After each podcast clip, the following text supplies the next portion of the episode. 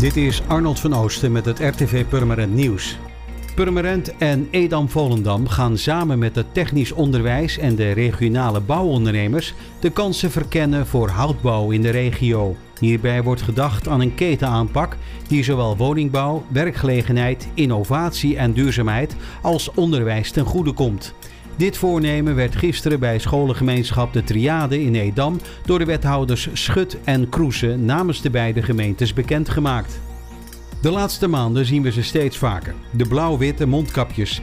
Veel Purmerenders droegen ze al en met de verplichting per 1 december kleurt de stad nog veel meer blauw-wit. Helaas zijn er mensen die na gebruik het mondkapje achterloos op straat gooien. Het wemelt van deze grondkapjes constateert ook zwervinator Dirk Groot.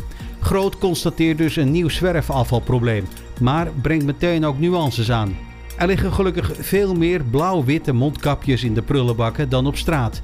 Ondanks dat positieve signaal wil de Zwervinator toch een oproep blijven doen aan Purmerenders om niet achterloos mondkapjes en ander afval weg te gooien, maar herbruikbare kapjes te gebruiken. Want daar zijn mensen blijkbaar toch veel zuiniger op. In de nacht van dinsdag op woensdag is de brandweer omstreeks drie uur uitgerukt naar de Vlasleeuwenbek in de Gors. Vier eenheden en de ambulancedienst rukten uit. In een van de woningen in de straat was er zwaar vuurwerk door de brievenbus gegooid. Er ontstond geen brand, maar de woning liep wel veel schade op. Er is nog niemand aangehouden.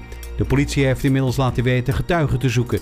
Heb je informatie? Neem dan contact op met de politie via telefoonnummer 0900 8844 of anoniem kan ook via 0800 7000.